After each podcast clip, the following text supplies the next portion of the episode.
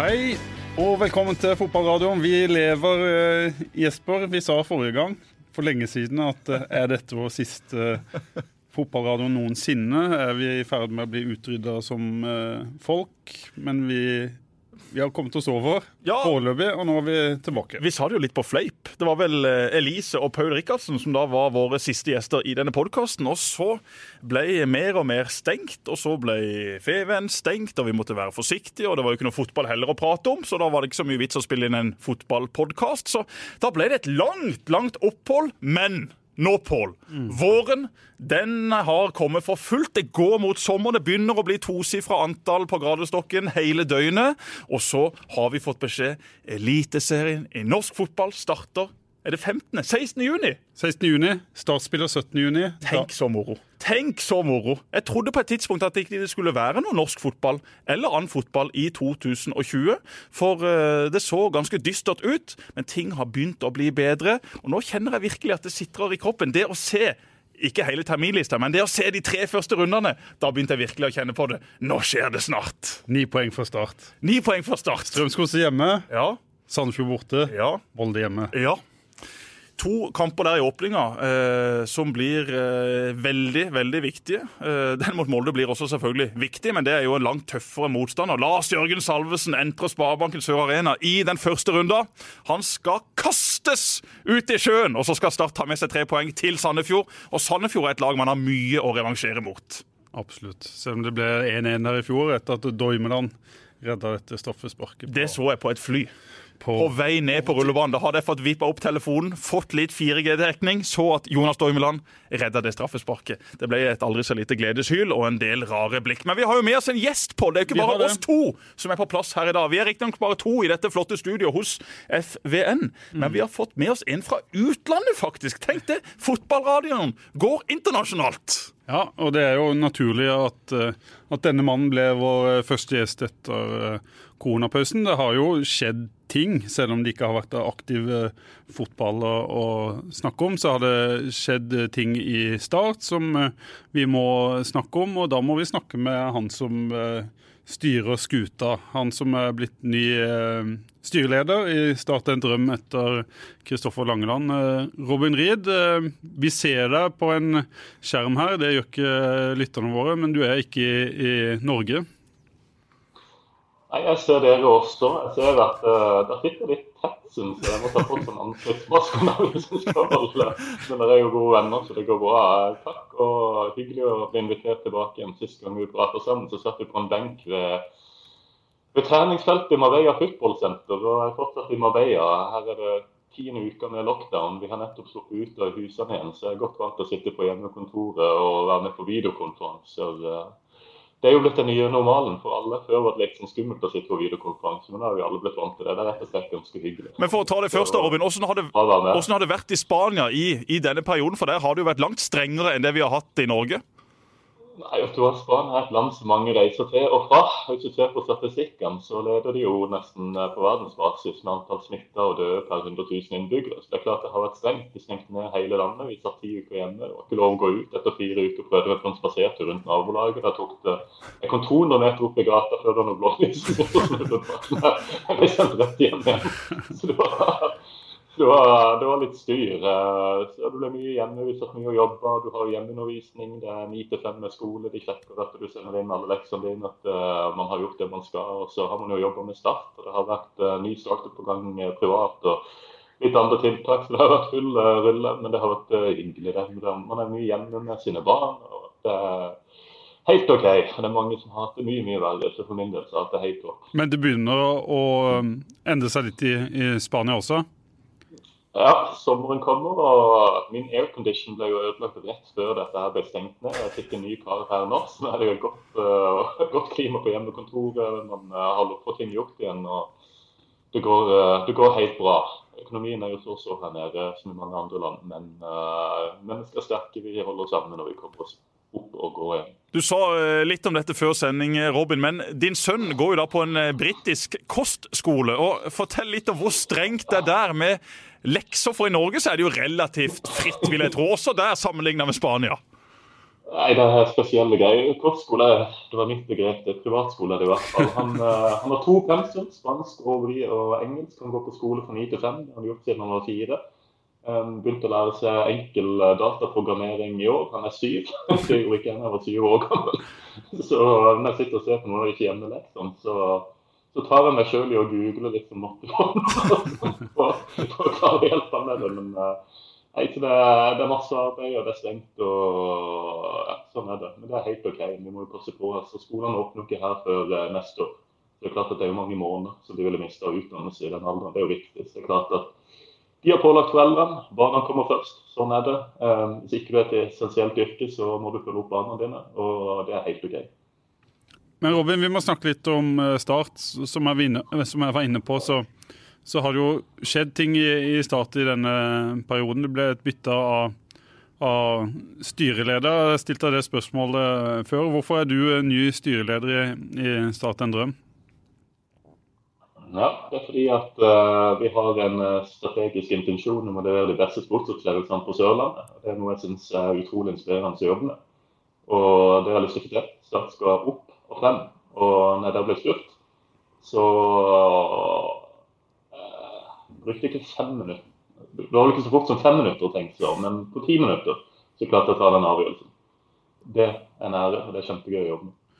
Fortell litt om, om, status på klubben akkurat nå, sånn som eh, du eh, ser det. Og så får vi gå litt eh, eh, Stille noen spørsmål om, om eh, dette underveis her. Ja, vi uh, rykka opp. Miraklet på Åråsen etter en kronglete 2018 og til dels 2019-sesong som var på gang. Kjempesesongoppkjøring. Sto to eliteseriemotstandere, tapte ikke. Jeg var nede på Marbella så-laget, fikk tilstandsrapporter. Eh, aldri sett, uh, siden vi kom inn i hvert fall, en bedre kultur, holdning. Uh, spillerne hadde haka mye mer opp enn de hadde i 2018 og 2019. Det så skikkelig bra ut. Um, tror vi ville overraske mange. Um, styrt mot et kontrollert underskudd. Vi var på vei et sted, så investorene var med. Det var greit. Og så kom det ei breiside av den uvante sorten med korona. Um, det så først veldig uavklart ut. Jeg ble spurt om å begynne på en prosjektlederrolle 8.4. Da var tilstanden De første prognosene jeg gjorde, viste minus 26 millioner. Sesongkortsalget hadde stoppa helt opp. Hvis ikke vi skulle få lov å spille fotball, om det var lov å trene. Spillerne satt uh, hjemme og sykmeldt, det var karantene. Um, Sponsorene sleit, Norge var stengt ned. Uh, mediepengene etter det store usikkerheten er rett og slett stoppa alt av inntekter opp. Og der begynte man på en måte. Og så hadde du valget valg mellom å på en måte altså, bli paralysert og handle så vi fant vel ut så fort som overhodet mulig at her handler det om å komme seg på jobb og få gjort det en kan gjøre noe med, og kjøre på. Og ikke gå og vente på redningspakker, men heller begynne å tenke kreativt og snu på ting. Men selvfølgelig var det første man måtte gjøre, å få på plass et mål. Og det ble å komme seg til første avspark, når enn det var, med et budsjett som går i balanse. Passe på at uh, klubben blir økonomisk bærekraftig. Um, og så begynte vi rett og slett et prosjekt. Identifiserte alle aktivitetene, alle tiltakene uh, som vi kunne idémyldre komme opp med, ting vi kunne gjøre noe med. Redusere kostnader, øke inntekter. Vi kom opp i et uh, hundretalls aktiviteter. Og vi begynte å jobbe på det. Det var komplisert i utgangspunktet, fordi uh, vi måtte permittere mennesker ettersom ikke var jobb. Um, og det er klart at mens på en måte behovet øker, arbeids arbeidsmengden øker, så har du mindre arbeidskraft tilgjengelig. Men eh, vi fikk eh, raskt på plass eh, timeføringslister, prosjekteringsverktøy, struktur. Og vi fikk mye hjelp på dugnad fra folk vi kjenner. Kjetil og hans ressurser kom inn i bildet, Ekken hjelper med. Og folk jobber rett og slett veldig godt og effektivt. Så det som opprinnelig var ganske usikkert, ble fort til en slags mestringsfølelse etter hvert som du begynner å jobbe på tingene. Og så har det jo blitt kaotisk, da. Det er klart at uh, Når man er i det vi kaller et uh, Rapid Improvement uh, Program, KRIT-prosjektet, Corona Rapid Improvement Program, så skjer det utrolig mye, og det skjer utrolig fort. Vi skal holde tunga rett i munnen. Vi hadde ikke så mye tid på å få gjort alt. Vi måtte ringe ut til alle partnerne, alle leverandørene. Vi måtte snu på hvert eneste område i klubben, passe på at vi kunne gjøre alt smartere, raskere og bedre. Og, så nå handler det jo rett og slett om vi er gjennom på en måte det mest kritiske, og ting begynner å lande, vi har fått gjort utrolig mye, så handler det om å amalgamere alt det arbeidet vi har gjort, med det mer langsiktige. Med strategi og jobbe med å sette de lange linjene, de lange strukturene og de lange prosessene.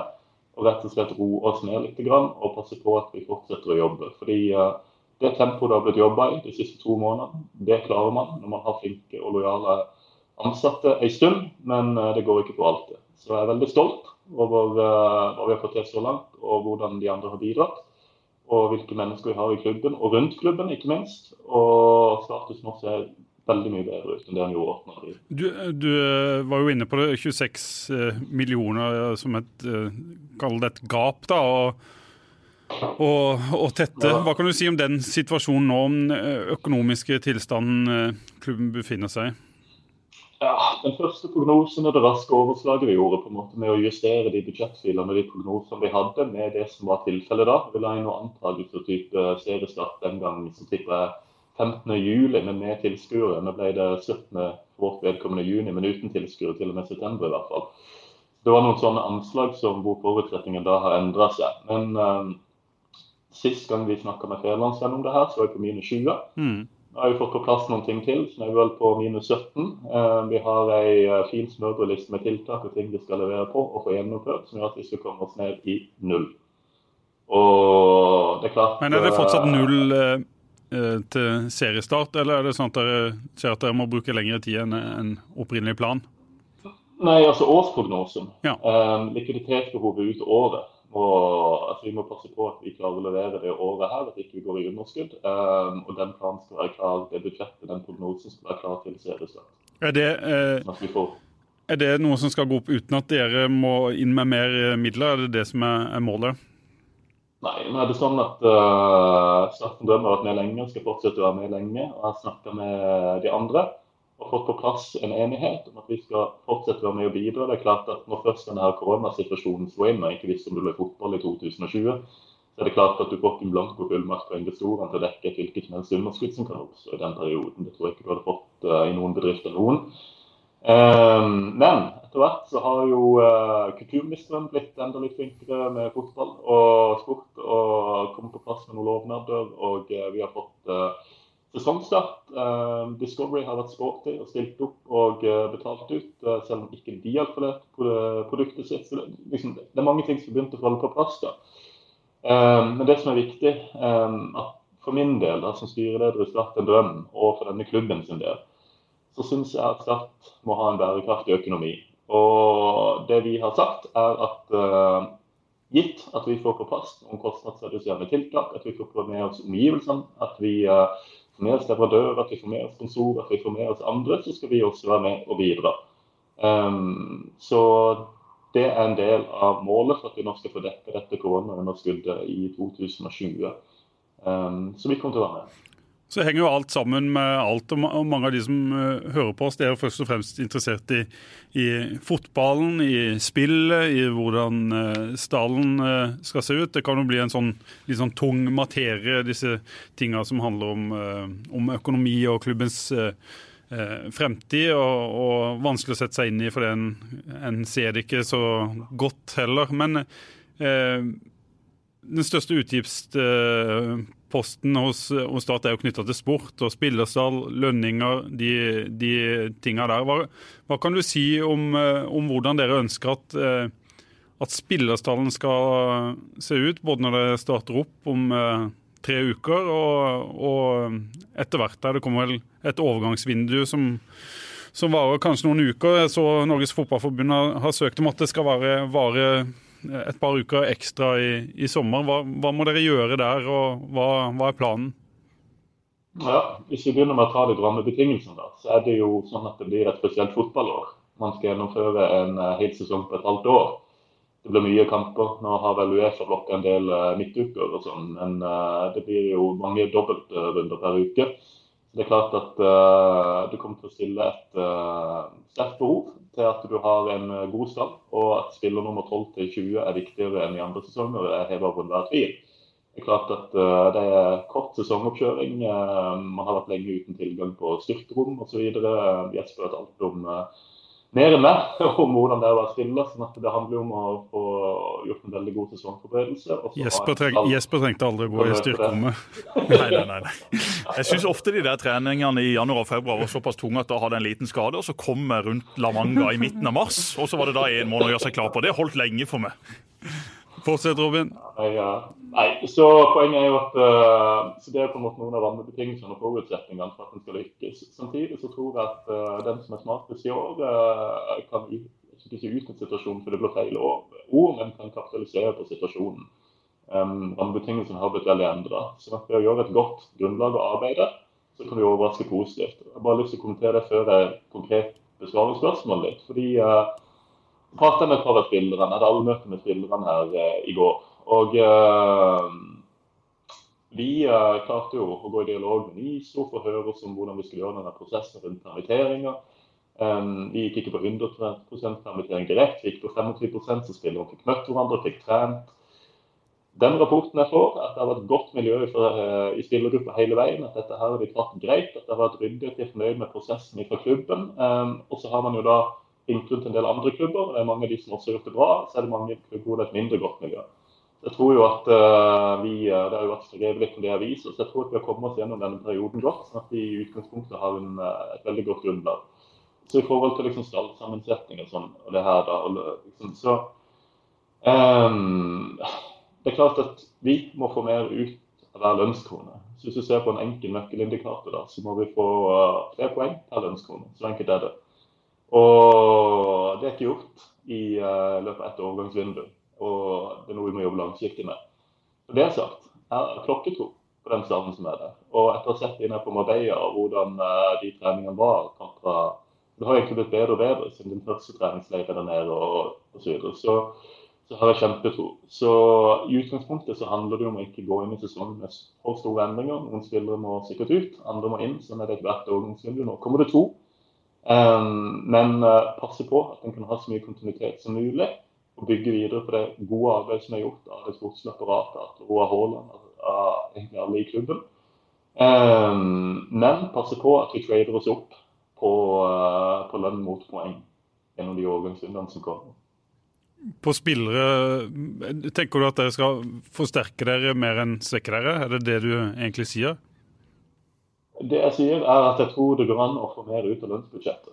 Sånn at Hvis man er flink på overgangsmarkedet, hvis man er flink på scouting, hvis man planlegger godt, hvis man jobber over tid, eh, hvis man er flink til å sette strukturen, gjør eh, de grepene som er nødvendige for at Start skal bli enda mer attraktiv og tiltrekke seg de mest profesjonelle og de beste utøverne, så tror jeg at vi eh, kan passe på at vi får eh, enda flere poeng per lønnskrone over tid. Så med det så sier jeg jo at eh, noen spillere vil sikkert gå ut. Det kommer noen spillere som det alltid. Noen nye vil komme inn, og vi skal bli enda skarpere der. Hvor, hvor, mye ser du for deg omskiftninger i en eh, eller utskiftninger i en, eh, en spillestall i løpet av de neste to vinduene? Jeg tror ikke det blir så dramatisk. Um, jeg skal ikke gå så langt til å si noe om det nå, for de spørsmålene bør strengt tatt spurt svare på. Men um, jeg tror ikke det blir så dramatisk. Jeg tror noen kommer til å gå ut, og så tror jeg det kommer noen inn. Og så blir netto regnestykket bedre. Hva kan du si om, om eh, situasjonen rundt eh, Damien Love, Robin? For det er ikke noe tvil om at han var en eh, person som ikke alltid var like lett å håndtere. Samtidig så var han jo en ekstremt viktig spiller. Kanskje den viktigste spilleren i Start sitt mannskap. Eh, men det var kanskje sånn at du som styreleder og dere som klubb ikke så noen annen utvei enn å egentlig da bare si takk for nå? Ja, nå er det Modellen for sportslige beslutninger er enkel. Du har et IK-styre, du har et A-styre, du har et sportslig apparat. Og eh, det er eh, IK-styret som til syvende og sist skal godkjenne de sportslige avgjørelsene. Og Staten Drømstyret som skal godkjenne de økonomiske avgjørelsene rundt uh, spill og logistikk. Og så er det selvfølgelig det sportslige apparatet som skal bestemme og innstille. Um, så jeg skal ikke nødvendigvis uttale meg så mye om hva det sportslige apparatet sier. Men uh, det jeg vil si, er at det er en avtale jeg er veldig godt fornøyd med. Og da tenker jeg på avtalen om å terminere. Men da, da, da tenker du utelukkende økonomisk, og ikke på, på en, en, en, sportslig kvalitet i en, i en, spillerstall. For det skal godt gjøres å finne en stopper for Start i 2020 med den økonomien som er på nivå med han. Det jeg tenker er at uh, hvis du ser på hvordan du skal trade deg oppover og få mest mulig poeng per lønnskrone, så tror jeg at uh, vi kan gjøre noe smart der. Ja, men da gleder vi oss til å, til å se hva det er.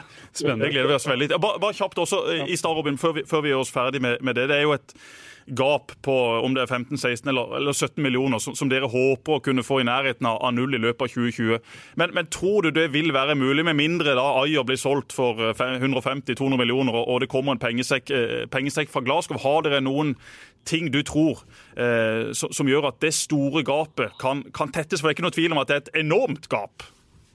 Men la oss ta Øyer først. Altså, Om han ble solgt for 200 mill. til Milan, um, så man for det første pakker mange ansiktsmasker, så jeg er ikke sikker på at det skjer. Men uh, hvis han går til Premier League da, og du får masse penger, så skal de pengene rett inn på BTU-kontoen. Det er en tenåring nå. Vi vokser opp, vi er ikke modne um, som bedrift enda, men det er masse talent her. Det er masse flinke mennesker. Vi må sette økonomi, vi må sette struktur, vi må sette prosesser. Det er klart at uh, det er stor varians i fotball. Jeg tror ikke det står så langt opp på tabellen i år. Det kan også gå andre veien. Kanskje korona kommer tilbake. Vi trenger rett og slett å ha noe penger på BSU-kontoen. Altså, alle i og rundt klubben må ha forutsigbarhet, må ha den roen at de går til jobb. Samarbeidspartnere, sponsorer og andre. At det ikke helt liksom, skulle skje en krise, så er det så vanskelig for Start om man er avhengig av investorer og hele pakka. Er det jo selvfølgelig noen leverandører og ansatte som har gått med på lønnsforhandlinger og avkortinger og skulle komme inn penger fra EU. Så er det først vi hører å betale tilbake dit, så vi skal opprettholde avtalene vi inngår. Resten går rett inn på en større BSU-konto. Og så må vi fullføre eh, det løpet vi har lagt nok nå uansett. Um, så for å svare på spørsmålet ditt, så altså, hva er det vi skal gjøre for å komme i mål med som sagt, vi begynte minus 26,5. Sist gang jeg sjekka nå, så har vi et levende likviditetsdokument. Jeg tror det er på rett rundt 17, og vi har flere aktiviteter for å få det nedover. Hva er det vi skal gjøre her? Uten nevnt, eh, Det har vært lønnsforhandling internt i klubben. Eh, vi har noen ekstremt språklige ansatte som har vært med eh, og tatt en dugnad. Så vi holder på å komme i mål med det. Vi jobber systematisk gjennom avdeling for avdeling. så Jeg har ikke lyst til å prate veldig mye mer om det nå. Men, men det kommer i mål med lønnskutt hos spillerne? Det jeg har lyst til å si, er midt i en pågående dialog, på, så jeg syns det blir uryddig av meg å forskuttere noen ting som helst. Men det jeg kan si at det har vært en veldig ryddig dialog. at Jeg synes det er en veldig flott spillergruppe vi har. Og, men jeg har også lyst til å prate med de andre, fordi her har eh, det har på en måte vært folk. ikke sant? Altså Når man tok opp det her, så er det folk som kommer på banen, rakk opp hånda sa hvor signerer jeg? Ikke sant? Det er ikke noe å tenke på. Og, liksom, og det å ha, altså Jeg har vært, har vært i mange avdelinger og bedrifter, og det er ikke automatikk i den. Uh, og sånn, altså jeg tror det er mange som føler at liksom fotballklubb og fotballspillere og folk altså at det er litt, altså, hele, hele, samfunnet har vært med på en dugnad her. Og Det viser bare at uh, det er akkurat sånn i fotballklubber som alle andre steder. så Folk er med og tar sin kollektive del av denne greia. Så Det er ett uh, tiltak man ser på. Og så er det klart at det er masse andre ting en kan gjøre. Jeg tror at Start har et kjempepotensial som samfunnsaktør. At uh, det er ting vi kan gjøre her som ikke vi har gjort foreløpig. Det, det trenger ikke lenger til Hammarby, som vi har vært på studietur hos. De sysselsetter, de eh, skaper mangfold og integrering, de skaper eh, likestilling. Konkrete ting ikke sant, som å ta med partnernettverket sitt, arrangere jobbkonferanser, og passe på at de har dager for eldre, for innvandrere, for ungdom, sommerjobber. ikke sant? At ting kan skje gratis i det oppmerksomhetsvinduet som de har på stadion. Så det masse ting Start kan gjøre for å få med seg omgivelsene og for å skape verdi. Det handler ikke om at vi skal kutte og spare. og det handler om at vi må bli mye bedre til å utnytte det potensialet som ligger. altså Start, Det er Sabeltann, det er Kraftfestivalen, det er Palmesus, det er Skjærgården og det er Start, altså som er Sørlandet. Vi må utnytte det potensialet og tilføre verdi til Sørlandet.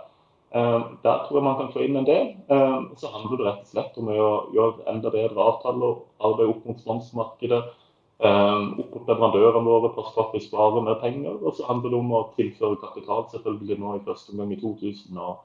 Så det er litt sånn, Jeg har gått gjennom noen av dem nå, noe glemt. altså Det er veldig mange aktiviteter som skal gjennom. Men uh, det handler rett og slett om at vi skal komme ut av det her med større muskler, bedre prosesser, bedre struktur enn vi gikk inn i det med.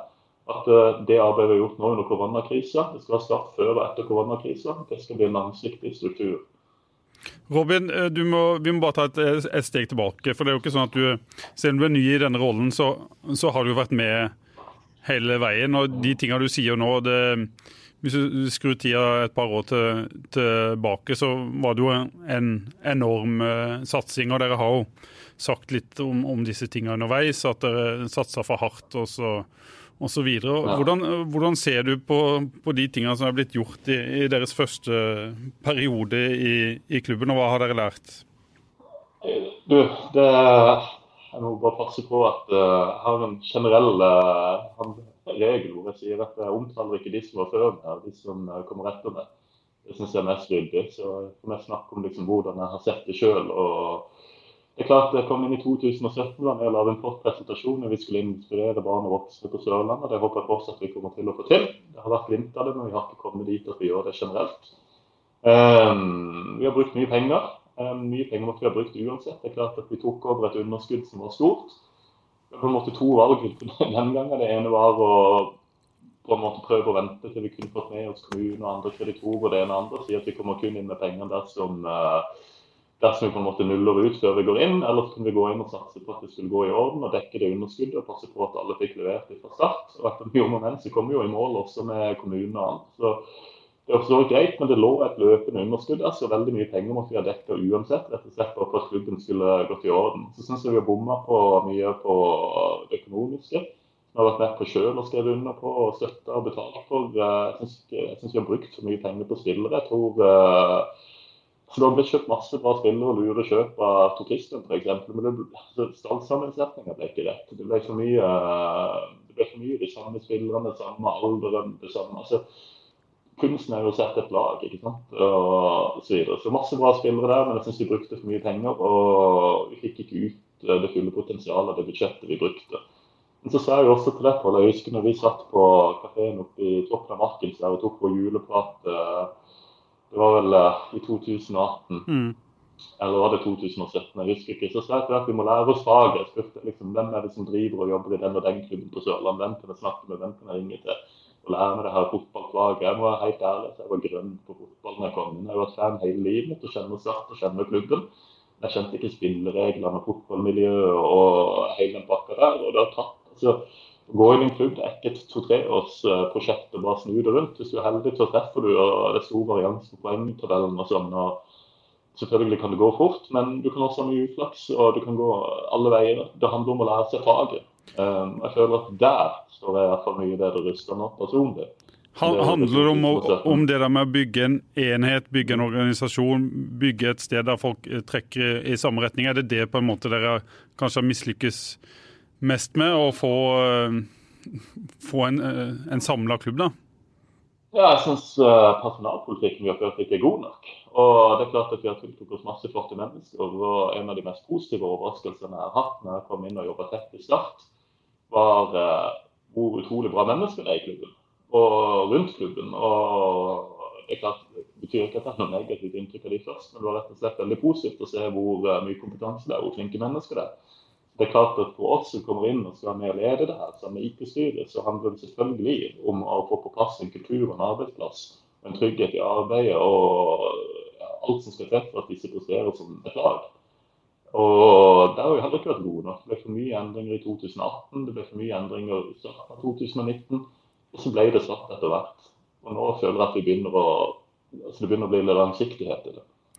Jesper Robin er jo um, åpenbart veldig positiv med, tanke på stallen og hvordan den ser ut. og eh, Vi trenger kanskje ikke forvente oss så store utskiftninger. Så vet jeg at eh, Aron Sigurdasson han forsvant etter kampen mot Lillestrøm i desember. Demil lå eh, ute eh, nå. Eirik Schulz har eh, kommet inn. Gjesdal har kommet inn. Så får vi se. Han, det ryktes en, en alvorlig skade der. men eh, Life is made up of many gorgeous moments. Cherish them all, big and small, with Blue Nile. Whether it's for yourself or a loved one, Blue Nile's unrivaled selection of expertly crafted fine jewelry and statement pieces help make all your moments sparkle. Blue Nile's experts are on hand to guide you, and their diamond guarantee ensures you get the highest quality at the best price. Celebrate a life well lived in the most radiant way and save up to 30% at BlueNile.com. That's BlueNile.com. Hvor, hvor står Start sportslig eh, sammenlignet med, med, de andre lagene? Det er jo eh, den store utfordringa og det store problemet for Start. For eh, det er veldig fint å høre Robin eh, snakke om at man skal få oppretta et godt forhold til naboklubber, sponsorer, de som er i og rundt klubben. Ja, selvfølgelig. Der har Start en, en lang vei å gå, og, og man er ikke i nærheten av der man var for ti eh, åtte år siden. For da var det en helt annen eh, trøkk i det rundt i, i lokalmiljøet. Det som er med en fotballklubb, er jo at utrolig mye avhenger av hvordan det sportslige produktet. Hvordan gjør A-laget det? Hvis A-laget taper kamper, hvis A-laget ikke presterer, så kan du jobbe så godt du bare vil med en hel haug andre ting, men det hjelper ingenting. Det samme kan du si om at hvis laget ditt vinner, hvis laget ditt gjør det bra, hvis det kjemper om medalje, hvis det underholder, hvis det skårer masse mål, Ramsland skårer på brasse, Skjolse skårer på hodet, og Henrik Gjesdal og en eller annen grunn er frisk og spiller kamp og skårer på en dødball, ja, da kan det godt være at du kan gjøre en dårlig jobb med alle de andre tingene, men det oppleves godt uansett. For det du opplever ting går, ting går med seg sjøl. Det er det som brenner seg fast. Det er det som sitter igjen. Akkurat nå så er jo Start kraftig svekka fra hva de var i fjor. Da rykka de opp som nummer tre. De rykka opp takket være Martin Ramsland-show i åtte minutter på Åråsen. Aron Sigurdasson, en spiller som for Start nå vil være umulig å erstatte. De fikk godt med penger for han, så det er et salg jeg forstår 100% Damien Love, jeg forstår også at de lot han reise, for han var et uh, problem. Han var en utfordring. Han var en egoist. En, en spiller som ikke bidrar til kollektivet, til miljøet i klubben. Og, og veldig mange hadde, hadde, lyst til å hive han ut av den garderoben lenge, lenge før han valgte å, å reise sjøl. Men hvis du ser basert på, på, hva de har levert på banen, da, Sigurdarsson, Lov, så er jo Start to forskjellige lag med og uten lov i 2019. Og nå ser jeg på den backrekka og tenker akkurat dette her kommer til å bli veldig veldig tøft. Du har Joakim Jørgensen, som har uh, levert bra for Sarpsborg, som har vært varierende for Start. Er han den lederen i de bakerste rekker? Det har jeg til gode å se, i alle fall for Start. Iallfall i Eliteserien. Det er Eliteserien de skal spille. Yes, absolutt. Så, så Start har i mine øyne eh, store mangler i sitt mannskap. Eh, de har heller ikke den store bredden. så Sammen med Sandefjord og Mjøndalen så er Start eh, blant de, de tre svakeste lagene i Eliteserien. Akkurat sånn som det ser ut nå, i mine øyne. Så det blir en veldig tøff og utfordrende sesong. Det blir jo livsviktig for klubben å klare å holde den plassen i Eliteserien. Men akkurat nå så må jeg si at det dessverre er litt skeptisk. Det kan jo være at det blir gjort noen justeringer, og det tror jeg vil være helt nødvendig. Så, så det vinduet som kommer, den jobben som gjøres der, den kan jo fort være forskjellen på Eliteserien i 2021 eller Obos-ligaen i 2021. Men så har, de, så har de, mener jeg, noe som de andre lagene som du eh, nevner der, ikke har. De har en gjeng spillere på mellom 20 og 22. De har mange, ja. men veldig mye landskamper. De har aldri slått til i Eliteserien, noen av de. Mange har spilt i i Obos-ligaen og gjort det OK. Og Hvis det er sånn som Robin sier, at det kommer til et bedre miljø, at folk trekker i samme retning, at de klarer å utvikle seg, så har jo Start eh, en helt annen dybde i sin stall på nummer 13 og 20 enn det f.eks. Mjøndalen og Sandfjord har. Absolutt. absolutt. Og, det kan jo sånn sett tale til Starts fordel. Samtidig, 13 20 i Start sin stall. Hvor mange eliteseriekamper har de spilt? Hvor mange ganger har de prestert for Start sitt A-lag? Én ting å spille U-landskamper, én ting å være god i tredjedivisjon. Men når du skal opp og møte Molde, Rosenborg og Brann, da stilles det helt andre krav. Så selv om du har vært god på ett nivå, så er det langt ifra sikkert at du er god på det neste. Jeg tror jo at det laget av de i bunnen der, som kommer til å klare å holde de 11, 12, 13, 14 beste friske og få de til å spille så mange kamper som mulig, det er de som kommer til å ta flest poeng. Du kan ikke basere det på at noen som har vært uprøvde på dette nivået, skal komme inn i det laget og sørge for at Start Men du må gi dem sjanser da. Ja, du blir nødt til å gi dem sjanser. Ja. Men om de er gode nok, det gjenstår å se. Og jeg har mine tvil til at det skal være godt og robust og solid nok til å ta en hel haug av poeng. Ja, Start har selvfølgelig en kjempefin mulighet til å klare seg, men det blir nok en gang en veldig veldig tøff sesong. Og hvis du da ikke klarer å prestere sportslig, det var det jeg begynte med, mm. så blir det ganske tøft med alle disse andre tingene. For sånn fungerer en fotballklubb. Kanskje i motsetning til ganske mange andre bedrifter, hvor du egentlig kan gjøre ni av ti ting veldig bra. Men hvis du gjør det dårlig på sport i fotballklubber, så blir de ni andre egentlig ganske intetsigende. Ja, men jeg har ikke tvil, så la oss ta det. Og så skal vi jo prate litt om uh, den tematikken. Og det er mye å ta tak i her. Hvis vi begynner på det, det begge prater om, hvis vi begynner med det Pål sa, at det er mye talenter. altså jeg tror, eh, som vi har snakka mye med sport om, at uh, spesielt uh, når du har mye talent og sånn, så er det viktig å sette en erfaren og rutinert sentrallinje med et jevnt Der skal det være et høyt laveste bunnivå. det skal være trygghet. det skal være robust, sånn at disse talentene som spiller rundt, får, får den tryggheten. der har Schulze kommet inn. Han ser trygg ut. Og det er klart at som Han har knapt trent, han har knapt trent Du sier han ser pigg ut. Han har knapt, knapt trent i, i, vinter og vår, eh, Robin. Rett skal være Ja, men det var snakk om eh, det var snakk om jeg refererer til at han så pigg ut. Så var det snakk om at det kunne være eh, skader og ting som var usikkert og sånn. Og det ser mye bedre ut enn det det har gjort på lenge. Så nå kommer fyren i gang, og han er rutinert og veldig seriøs. Så det her er en person vi kommer til å få nyte godt av utover sesongen. Så han er kommet inn. Han hadde vi ikke i fjor. Um, ser du på en Aveny som eh, ble stadig mer stabil utover eh, sesongen, så er han en av de unge som er i ferd med å ta steget som eh, man har på midtbanen. Det er klart at vi må ha inn stopper. Det skjønner alle. Um, og der må vi få satt noen som er trygt og godt. Um, men ser du rundt ikke sant? Ramsland som tok steg utover høsten i fjor og fikk seg en solid status etter miraklet på Åråsen og mye mål i desember og sånn. Så begynner du å se, så begynner det å vokse fram en sentrallinje som en kan stole på. Det har, vært, det har ikke vært sånn som i 2018 hvor en bytta ut masse spillere. og Folk har vært der lenge og kjenner hverandre. og så ser der rundt. ikke sant? Vi fikk en Markovic, fått et halvt år i klubben, masse U-landskamper. Uh, han må ta steget. Vi fikk en Tryggvason tilbake fra Island, hadde blitt helt bort i klubben sin der. Så varm ut i uh, sesongoppkjøringa. Sånne spillere må ta steget. Hvis du begynner å se, så er det masse Espen Børresen kan vel òg nevnes i, i denne sammenhengen. Som så Jeg var på trening i forrige uke, så ut som en helt annen spiller enn han, han Ja, gjorde tidligere i vinter. Ja, han er på gang. Og til og med leketrener igjen nå. Sånn at det er ting eh, vi ikke vet ennå hvordan det blir, men uh, som kan se bedre ut uh, når du kommer en måned eller to frem her i løypa. Så det er klart, Jeg tror det er utrolig viktig å sette den sentrallinja på en bedre balanse mellom ungt og rutinert, og for at de unge skal få utfolde seg. Så jeg tror du har helt rett at eh, vi har en bred tropp, og det kommer vi til å nyte godt av gjennom det året her.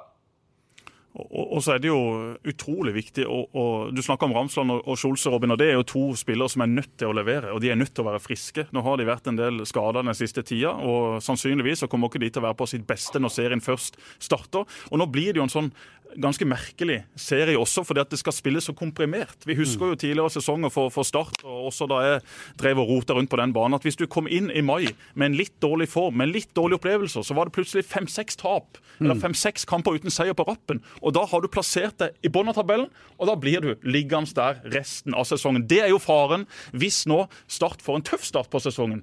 Hvis de nå går hen og taper for Godset, Sandefjord, og så kommer Molde, så kan du stå med ett eller null poeng på disse kampene. Da blir det veldig veldig tøft for mange av disse unge spillerne, for da vil de få trøkk på seg med en eneste gang. Det blir ingen tid til å hvile i sesongen 2020. For oss som sitter på utsida, så blir jo dette her utrolig gøy. Og hvis Start får en bra start, så kan jo dette her bli helt fantastisk moro. Du, men, du har jo spennende spillere. Aremu, eh, Kevin Kabran eh, kan jo spille fotball i Eliteserien. Eirik Vikne ser ut som en god høyrebekk i Eliteserien.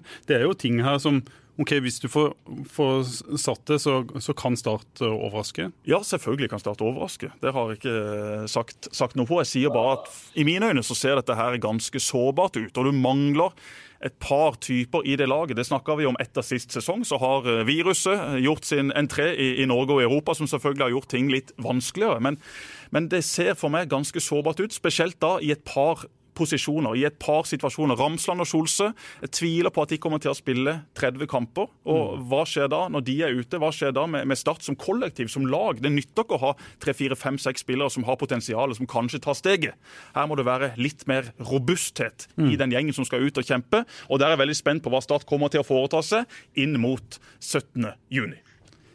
Robin, vi må eh, snakke litt om det som har vært heftig debattert de, de siste dagene eh, også. Du slipper ikke unna eh, en debatt som handler om, eh, som handler om, eh, om Stig eh, Lillejord. Jesper, du har jo vært ganske tydelig. Jeg har sagt hva jeg mener om den, eh, den saken. En eh, agent som, eh, som eh, ja, Start oppretter et formelt samarbeid med en eh, agent. Robin, du kan jo først si hva som hva er, hva er hensikten med et samarbeid med, med Stig Lillejord? Om du først, Pål, så må du gjøre meg en tjeneste. ikke sant? Ja. Så skjønner Jeg jeg har jo gått et år på journalist, uh, journalistikk, så jeg vet jo litt om uh, hvordan, man, uh, hvor man driver med redaksjonelt. Hver gang det er en sånn sak med Start hvor, eh, hvor det er litt sånn ikke sant, I denne tilfellet at det er agenter inne. ikke sant? Og det er litt sånn Så kommer vi der med det der bildet ikke sant, som er tatt med litt sånn skygge under øynene. ikke sant, Hvor det ser ut som to hoggtenner og hvor det ser ut som den skjelvingen er. Ikke sant? Det er jo sånn der Når du ser på saken, at det ser ut som på audition for en superskurkrolle i en James Du må komme deg til Kristiansand, sånn at vi får tatt noen flere bilder av det. Jeg er ikke noe glad i fotoshoot. Jeg er ikke heller fotogen. Sånn, unnskyld vanninga. Men, sånn, så, men uansett, liksom, hver gang det kommer det bildet, så får jeg en sånn fem-seks meldinger på sosiale medier hvor folk driver og mobber meg. Sånn. Det bildet du, smil, du smiler jo på det bildet, gjør du ikke det? da? Ja, men jeg ser så fryktelig lur ut. Uh, hvis jeg finner et sånt bilde hvor jeg stiller noen flotte sponsorklær og ser ut som en sunn, frisk norsk ungdom som heter så, så får jeg litt uh, mindre svar på, på sosiale. Jeg tar det med meg. Fra, spøk, fra spøk til revolver, holdt jeg på å si. Så uh, hvis du tar den avtalen fått sagt litt, og nå har jeg lyst til å si mitt, så syns jeg det er helt fair at uh, Jesper som journalist stiller spørsmål, og det samme du, uh, Pål. Og hva han der Jokke Jensen borte i Eurosport jobber med på bloggen sin, det han om det. Det gidder jeg ikke å kommentere. Men, uh, men hva det å si det er helt fair. Det er greit at en stiller spørsmål sin, men det så la meg besvare det. Mm. Og Hvis vi begynner med at uh, hvordan fungerer det? Hvem er det som tar avgjørelsene i start på sport? Jo, det er det sportslige apparatet. Vi har en tydelig struktur her. Vi har en sportslig leder er fem bein som rapporterer inn til han. Det er apparatet rundt A-laget, det er utviklingsavdelinga, det er medisinsk, det er um, utstyr, um, logistikk. Og så har du da dette her som går på spillerlogistikk. Um, men det er jo han og A-laget som tar avgjørelsene rundt hvem som skal inn og ut, og kontraktsforhandlinger og det ene og det andre. Uh, så er det klart at uh, nå er det jo sånn at uh, Can I call you for or in a meeting? Det passer ikke så godt nå. Um, så hvis man tar uh, hvis man tar det på spillerlogistikk nå, da, så er det klart at uh, dette har blitt spesielt i sommer. Um, det er et strengt smittevernregime, det er masse logistikk, utrolig mye som skal gjøres. Så vi har påtatt, påtatt oss ansvar som klubb. Vi har sendt inn en melding til NFF hvor vi skriver at uh, vi tar den. Takk for at dere fikser sånn at uh, fotballspillere er de eneste som har lov å være nærmere hverandre enn en meter i Norge. Vi har ansvar for bane vei og få på plass eh, breddeidrett når vi kommer barneidrett nå. Um, og få et, et samfunn i aktivitet igjen. Ok, Det er det viktigste. Prioriteringer. Uansett om Jokke skriver at uh, spillerlogistikk er det viktigste, det er faktisk den viktigste prioriteringa for Start nå. Det nest, nest viktigste er å sette miljøet, kulturen, standarden i klubben og alt det her. Og her er vi inne i gode prosesser. Og så er det sånn at ting koster, tar mye tid, uh, så vi trenger litt hjelp. Og så er det da folk man har kjent lenge, så, kan, så finnes det et regelverk som sier at du har lov å lage formidleravtaler, formidleravtale. Så vi kan få hjelp på konkrete cases. Sånn at Om vi vet at uh, f.eks. den og den spilleren kan være aktuell inn, den og den spilleren kan være aktuell ut, uh, så har man da mulighet til å gå til en person som har et kjempemulighet til å åpne dører og bidra inn med nettverk og passe på at det vi gjør, blir veldig bra. Og så har vi da to valg. Og i fotball så tipper jeg at sånne er ganske normalt. At det gjøres litt både her og der. Og så har vi to valg. Det ene er at vi kan gjøre det sånn som alle de andre gjør det, eller så kan vi være åpne om det. Og så har vi valgt, faktisk valgt at vi skal være en åpen klubb. Og som vi har vist i media det siste med uttalelser om eh, økonomi og det ene og det andre, så har vi sagt at uh, liksom den, altså, i start Eiere kommer og går, styreformenn kommer og går, uh, trenere kommer og går, sportslige ledere, spillere. Men hvem er det som er i klubben? Jo, det er fansen. Det sitter folk på tribunen der for femte generasjon. Sjette generasjon. Altså, jeg har vært på tribunen siden jeg var syv år gammel. Den dagen satt en drøm forsvinner og andre forsvinner, så kommer fortsatt veldig mange av de samme fansen til å sitte der. Så poenget er at Ja, poenget er at vi må være åpne. Og vi eier da omgivelsene, vi må fortelle om det vi driver med. Og så blir det selvfølgelig, så smeller det litt i media, og så er det ting som er helt greit å diskutere. Men vi forholder oss til alle gjeldende lov og regler. Vi er åpne om hva vi driver med. Jeg tror det kommer til å styrke Start. Jeg tror det er kjempesmart. Men disse interessekonfliktene som vi har vært inne på, som, som fort kan, kan, oppstå, det at han har spillere i, i Statsdalen og og at han eh, ja, kan forhandle både med spillere som skal ut og inn, som, eh, som eh, kan i, i, et tenkt tilfelle konkurrere med, med spillere han allerede har i stallen. Hvordan skal dere klare å, å, å omgå det? Nei, Det er så enkelt. Det er fordi det er jo Atle Jovi som tar avgjørelser. Sånn at Det kan jo ikke oppstå noen interessekonflikt, for de har ingen interessekonflikt. Sånn at han får jo bare da Men Stig Lillejord er jo tett på Atle Roar Haaland. De, de, er venner. Han var agenten til Atle, Atle Roar Haaland. Han vil jo få påvirkningskraft ved å, å, å plutselig ha på seg en, en startjakke. Jo da, men hvis du ser på hvordan uh, eierstyringsmodellen der, det er medlemmene uh, Starten Drøm som eier uh, Start. Hvis du ser på hvordan den uh, fungerer, så er det veldig enkelt. Alle sportslige avgjørelser skal for det første tas av IT-styret. Og så skal de økonomisk godkjennes av Starten Drøm AS, som i henhold til en dualmodell med samarbeidsavtalen da har rett til å få innsyn før forhandlinger starter, og mens forhandlinger skjer, og har godkjent det til slutt. Men, men, men, det er jo ikke noe poeng å ha han der hvis han ikke kan, kan påvirke det sportslige og hvordan ting blir, blir seende ut? Jo, han, jo, fordi han kan påvirke selvfølgelig kan han påvirke det sportslige. fordi Hvis vi skal ha ut en spiller, da, ikke sant? så har jo han et vanvittig nettverk. Og så kan han kanskje få bedre betalt for han enn det vi hadde fått til sjøl med den arbeidskapasiteten vi har på nåværende tidspunkt. Hvor vi har et smittevernregime, og hvor vi har uh, masse arbeid vi skal gjøre på logistikk altså internlogistikk i klubben. Um, så selvfølgelig kan han gjøre dette arbeid. Og det er jo selvfølgelig, altså det er Norges mest meritterte fotballagenter med 20 års erfaring, et nettverk over hele verden. Så det er klart Både når man skal spille inn og ut, så vil han hjelpe i forhold til eh, scouting, i til å forbedre verdi igjen for spillere. Så det er masse arbeid han kan ta tak i, uten at han skal ha noe påvirkningskraft på hvem nødvendigvis som er i stallen. Så vi har selvfølgelig en liste vi jobber på. Men er det ikke så at han vil foreslå sine egne spillere hvis Start skal forsterke en posisjon i La oss si en, en midtstopper og Stig Lillejord skal være med og forhandle eller finne gode spillere til dere? Eller er det Joey og Atle Roa som skal gjøre den jobben først, og så får han en, eh, en eh, befaling? Nei, nå har man hatt en shortliste i Start i lang tid. Og spillere i hans tropp har vært både inn og ut av Start i 2017 og 2018 og osv.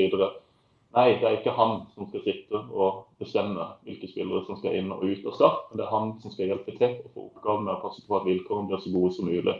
Um, sånn det her fungerer, så har vi scouting. Vi har en Kjetil Aasen som jobbet tett opp mot det. Vi har en Andreas Jensen som jobber tett opp mot det.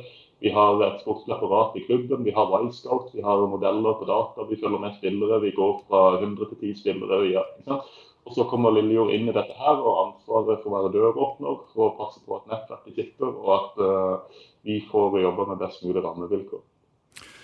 Jeg leste jo saken og tenkte først at dette var jo en, en, en grei mann å hente inn. Mm. så lenge han skal slutte som agent. Eh, men så leste jeg saken og så så at han skal jo ikke slutte som agent. Han skal være klubbens mann, han skal være spillerens mann. Her skal det byttes eh, hatter fra én time til en annen.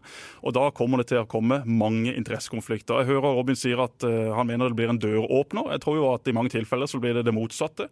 Flere agenter som jeg har snakka med, norske agenter, store norske agenter de siste dagene, som sier at nå blir det umulig for oss å jobbe inn mot stat. For Skal vi da sitte og forhandle med bl.a.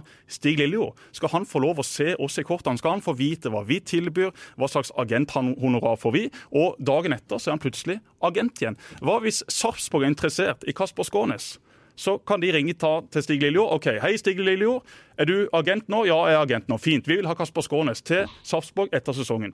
Dagen etter så sitter Start og diskuterer. Skal vi gi Kasper Skånes en ny kontrakt? Så vet Stig Lillejord hvis jeg kan få flytta han til Sarpsborg etter sesongen, så får jeg en fi på 500 000 kroner. Hvis han blir videre i Start, så får jeg 100 000. Så vil han da sitte i disse møtene, selvfølgelig med en påvirkningskraft. Ja, det er sikkert ikke han som tar den endelige avgjørelsen. Det sies også at i fotballklubber så er det IK-styr som tar den endelige avgjørelsen. Det er jo bare tull. Det er aldri i mitt liv et IK-styre som har tatt en stor avgjørelse. Det er helt andre folk. Og så skal IK skrive under. De sitter der.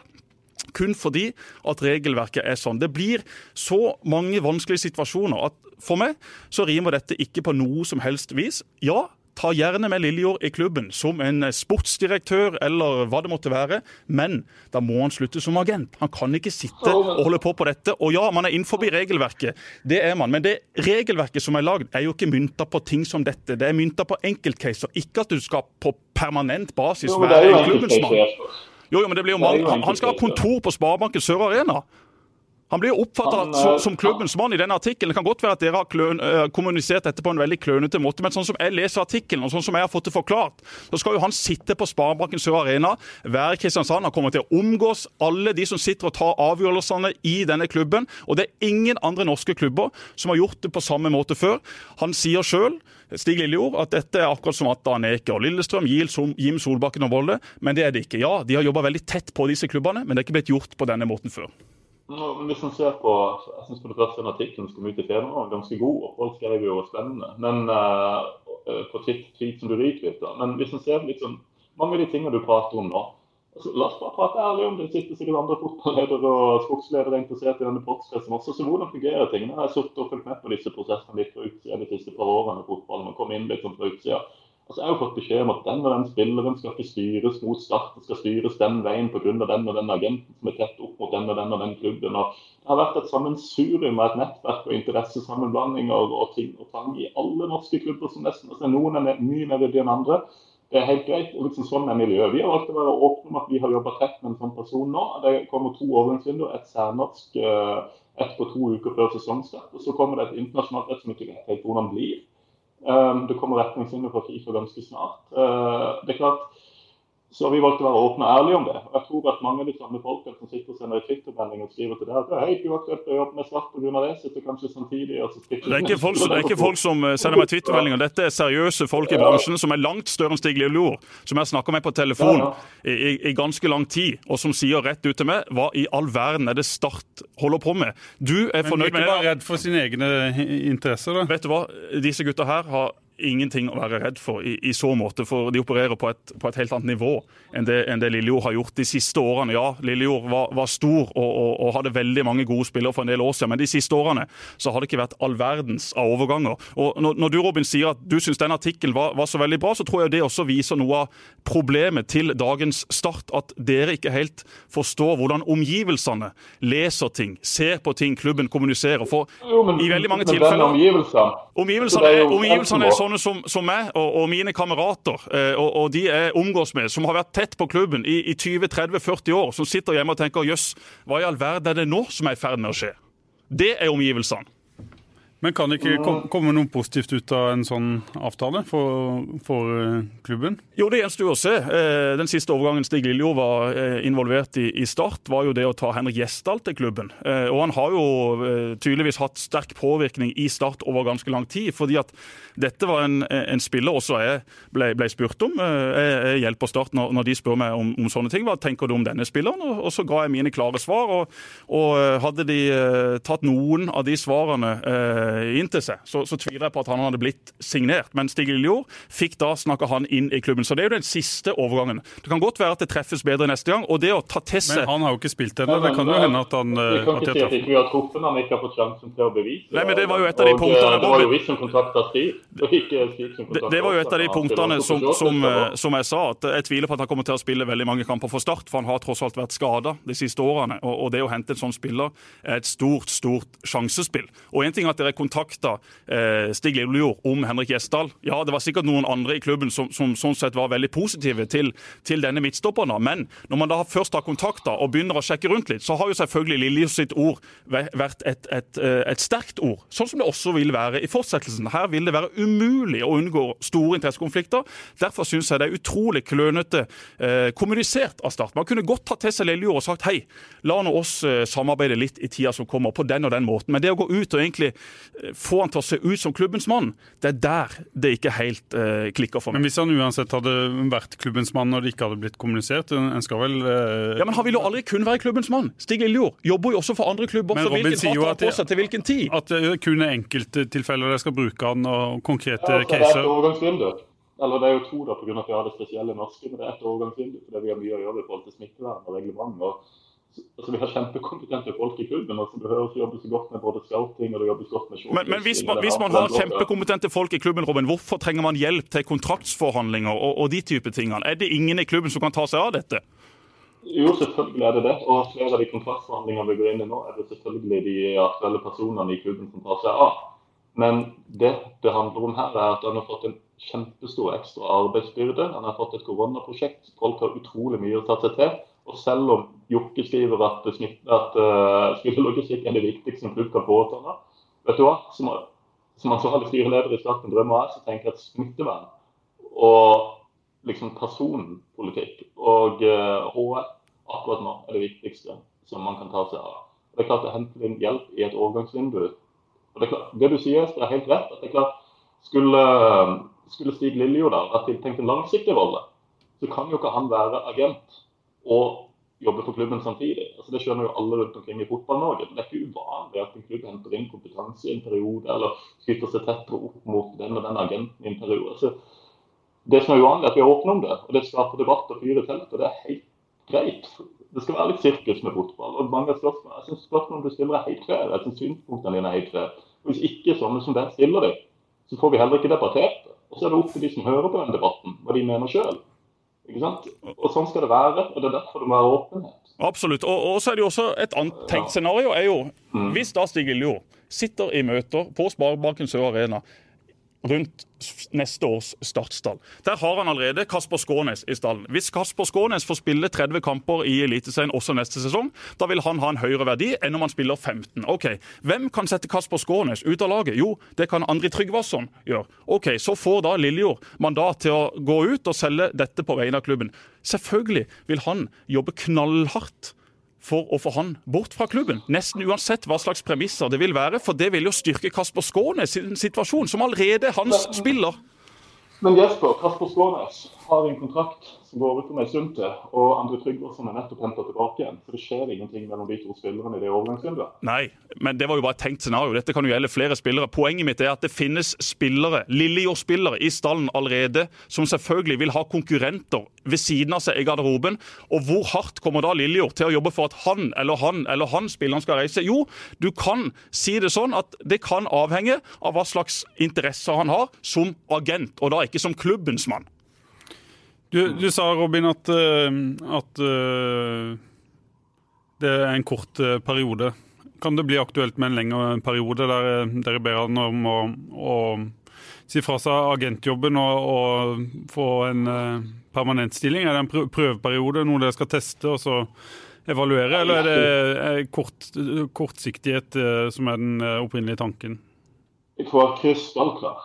Dette gjelder det særnorske fotball markedet nå to uker før seriestart, og det gjelder det internasjonale overgangsvinduet som kommer.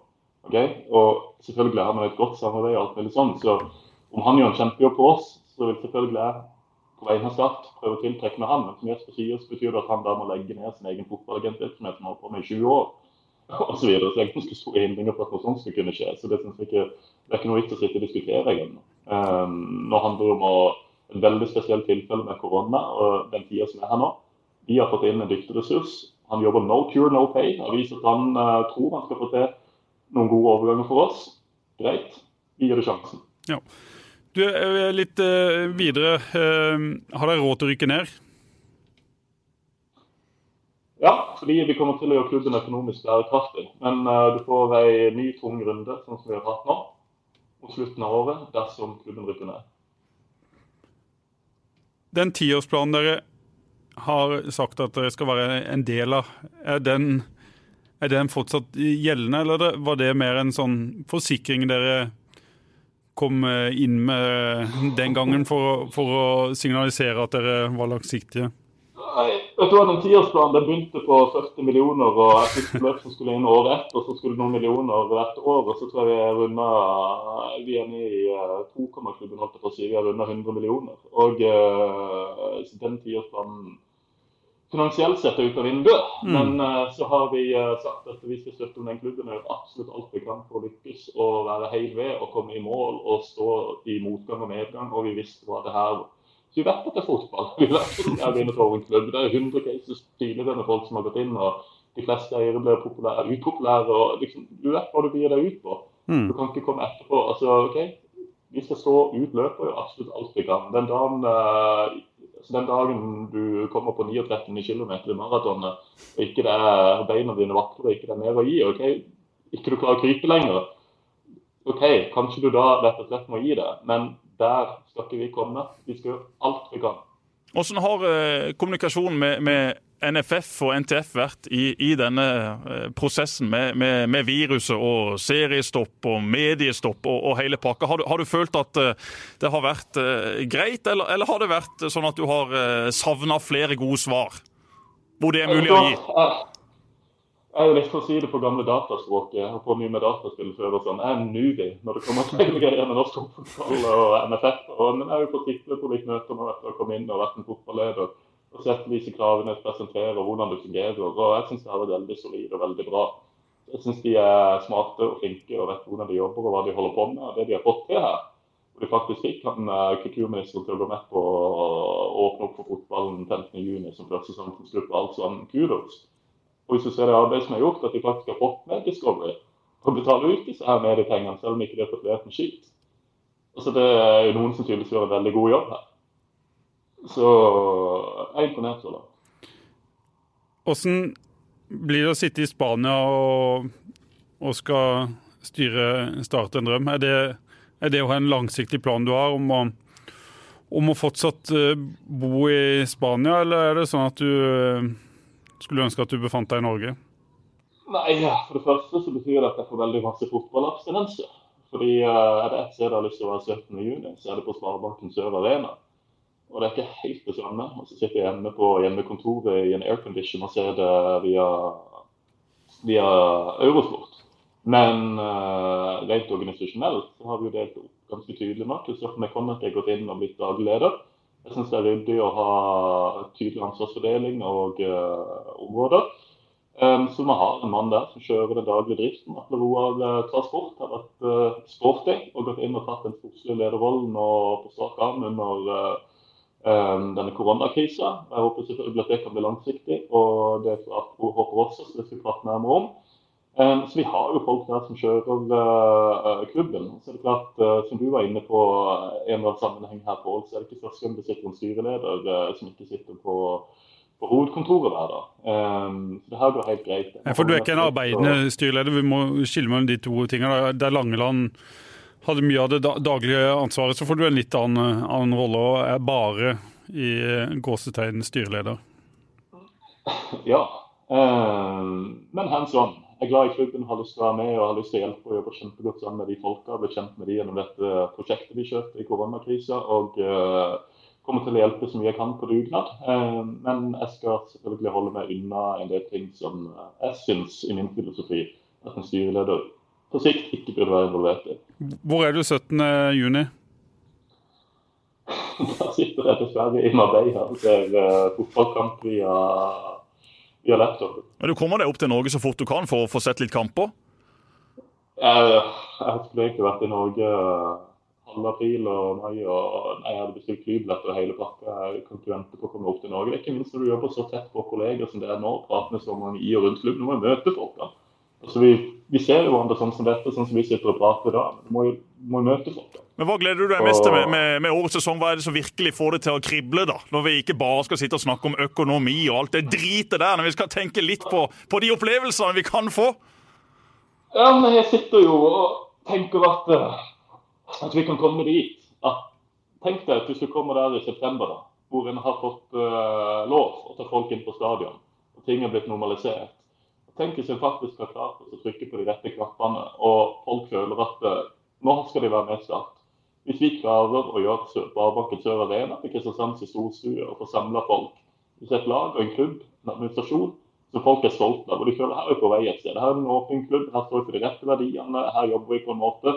Ok, Vi er kanskje ikke der alle vil at Start skal være enda, vi er ikke en topp fem-klubb i norsk fotball sånn som vi burde være. Men eh, ok, her er i hvert fall folk som vil noe, her jobber vi den veien, og vi tror på det. Sånn at når fotballsesongen kommer i gang med tilskuere på banen, jeg tilskuere på tribunen det kan komme tilskuere på banen.